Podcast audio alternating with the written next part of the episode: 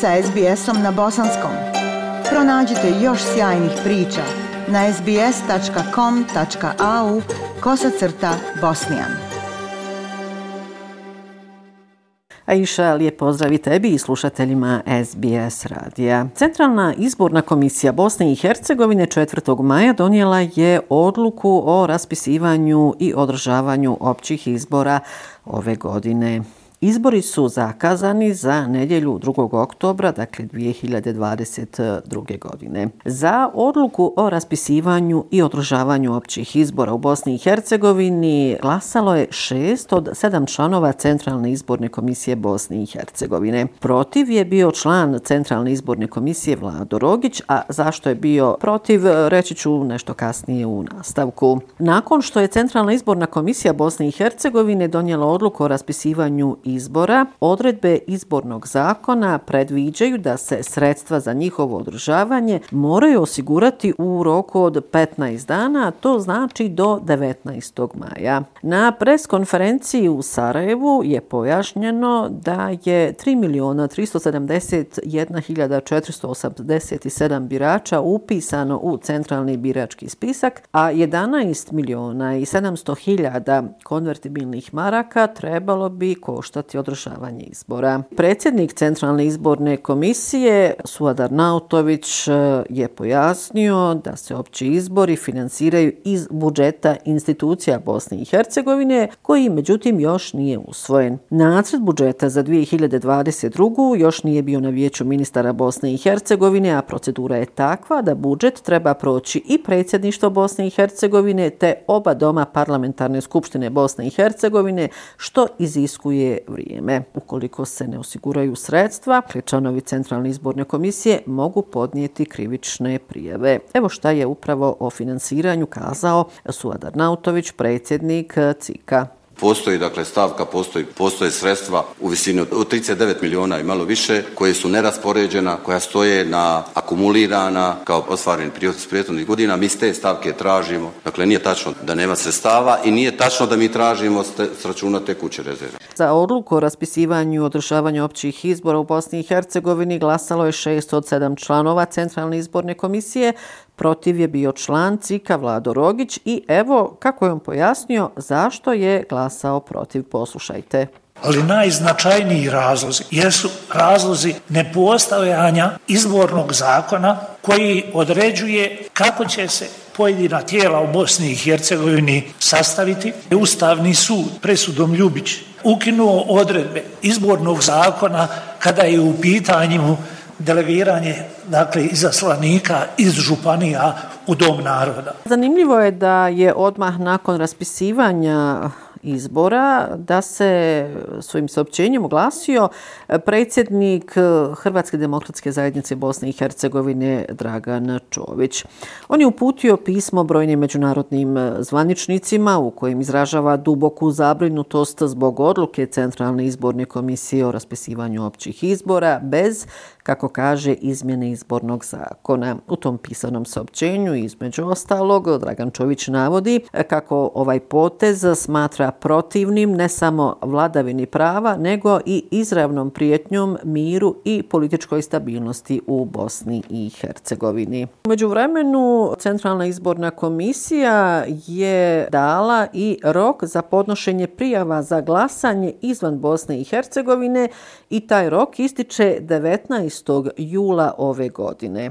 Prijave za glasanje izvan Bosne i Hercegovine se dostavljaju elektronskim putem portala e-izbori dostupnom na web stranici Centralne izborne komisije. Dakle, sve informacije u vezi sa glasanjem izvan Bosne i Hercegovine dostupne su na službenoj internet stranici Centralne izborne komisije BiH, dakle www.izbori.ba. Nova platforma e-izbori omogućava online korištenje servisa Centralne izborne komisije BiH je razvijena pored ostalog sa ciljem unapređenja komunikacije sa biračima i sprečavanje zloupotrebe izbornog procesa. U ovoj sedmici za nas e, bilježimo i obilježavanje, odnosno podsjećanje na nekadašnje događaje u glavnom gradu Bosne i Hercegovine. Tačnije 3. maja obilježena je 30. godišnjica bitke u nekadašnjoj Dobrovoljačkoj ulici u Sarajevu i zanimljivo je da je tog dana da su zapravo održana dva različita skupa. Najprije je u 10 sati održan skup bivših pripadnika Zelene i Beretki i borac armije Republike Bosne i Hercegovine, a sat nakon toga su predstavnici iz Republike Srpske također obilježili događaje iz Dobrovoljačke ulice 92. godine. Ono što je bitno istaći da je policija u Sarajevu ova dva događaja osiguravala i da su oba skupa protekla bez incidenata. Bivši pripadnici Zelenih beretki i borci armije Republike Bosne i Hercegovine, kako sam već rekla, obilježili su 3. maj, dan kada su se 92. godine odvijali događaji presudni za odbranu glavnog grada Bosne i Hercegovine. Na ovom skupu su, pored ostalih, govorili Vahid Alić i Muhamed Švrakić. Vahid Alić, predsjednik udruženja Zelene Beretke Stari grad, istakao je da je bitka u bivšoj Dobrovoljačkoj ulici prije 30 godina bila jedna od najznačajnijih za odbranu Sarajeva te nezavisnosti i državnosti Bosne i Hercegovine. Evo riječi Vahida Alića.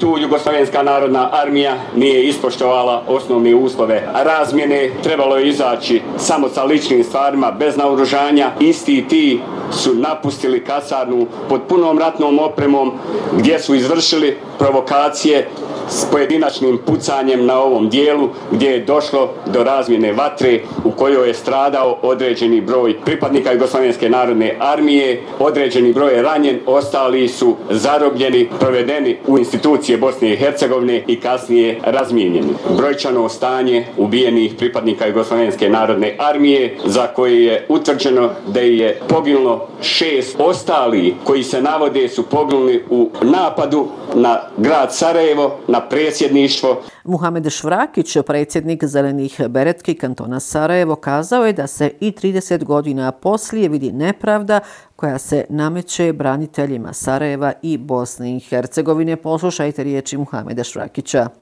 Ulica Dobrovoljačka je bila vojni legitimni cilj iz više razloga. Prvi razlog, niko nije mogao garantovati nikakav vojni prolaz, sigurnosni, pogotovo kada se uzme u obzir da je to garanciju dao Rahmetli Alija Izetbegović, koji u tom momentu bio zarobljenik. Po Ženevskoj konvenciji nikakvu garanciju predaju potpis ne može dati zarobljenik. Danas mi imamo u tužilaštvu izjave kao da nije Alija bio zarobljenik. To znači da žele da sude braniocima koji su branili gole živote. Jedan put za navijek bi ovo trebalo da se prekine. Kako sam već rekla, tog dana, dakle 3. maja, održan je drugi skup predstavnici iz Republike Srpske, konkretno predstavnici Ministarstva rada i Boračko-invalidske zaštite Republike Srpske, kao i bivši pripadnici Jugoslovenske narodne armije i članovi porodica stradalih, položili su cvijeće i zapalili svijeće u bivšoj dobrovoljačkoj ulici u Sarajevu. Ministar rada i boračko-invalidske zaštite Republike Srpske Duško Milunović kazao je na obilježavanju godišnjice da je u tadašnjoj dobrovoljačkoj ulici ubijeno devet vojnika i u Slovenske narodne armije, a da ih je ranjeno 26. 5. maja obilježava se i dan sjećanja na ubijenu djecu opkoljenog Sarajeva. I upravo ovog 5. maja po prvi put od 2019. zbog pandemije koronavirusa kod spomenu obilježa ubijenoj djeci opkoljenog Sarajeva održana je centralna manifestacija. Delegacije sa svih nivoa vlasti položile su cvijeće i odale počast za nevino ubijene mališane. Podsjetiću, ubijeno je 1601 dijete. Fikret Grabovica, predsjednik udruženja roditelja ubijene djece opkoljenog Sarajeva, podsjetio je da su djeca ubijana dok su išla u potragu za hranom kada su odlazila u škole, a u najvećom broju slučajeva djeca su ubijana tokom igre kada nije bilo borbenih dejstava, kazao je Fikret Grabovica, predsjednik udruženja roditelja ubijene djece opkoljenog Sarajeva. Ovoj centralnoj manifestaciji prisustvovao i predsjedavajući predsjedništva Bosne i Hercegovine Šefik Džafer Džaferović koji je kazao da nema optužnica za ubijenu djecu Sarajeva. Ono što u ovom trenutku najviše boli i što posebno ukazujemo je to da je tek mali broj onih koji su naređivali ove gnusne zločine odgovarao. Oni koji su odgovorni broje se na stotine i hiljade i to je posao za tužiteljstvo Bosne i Hercegovine. Zna se ko su bili nalogodavci, ko su bili komandanti, komandiri, ko su bili stemperisti i svi moraju da odgovaraju koji su činili zločine, kazao je ovom prilikom Šefik Džaferović, predsjedavajući predsjedništva Bosne i Hercegovine. A iše evo za kraj još jedna informacija. Islamska zajednica u Bosni i Hercegovini obilježila je 7. maj Dan džamija. U znak sjećanja kada je u Banjoj Luci 1993. godine minirana Ferhadija, jedna od najznačajnijih džamija u Bosni i Hercegovini. Ovaj datum je i sjećanje na tragično stradanje Rahmetli Murata Badića, koji je ubijen 7. maja 2001. godine u Banjoj Luci na dan polaganja kamen temeljca za ponovnu izgradnju Ferhadije. Eto, ovom informacijom završavam i ovo sedmično javljanje iz glavnog grada Bosne i Hercegovine. Još jednom, Iša, tebi slušateljima SBS radija upućujem srdačne pozdrave iz Sarajeva. Like, share, comment. Pratite SBS Bosnian na Facebooku.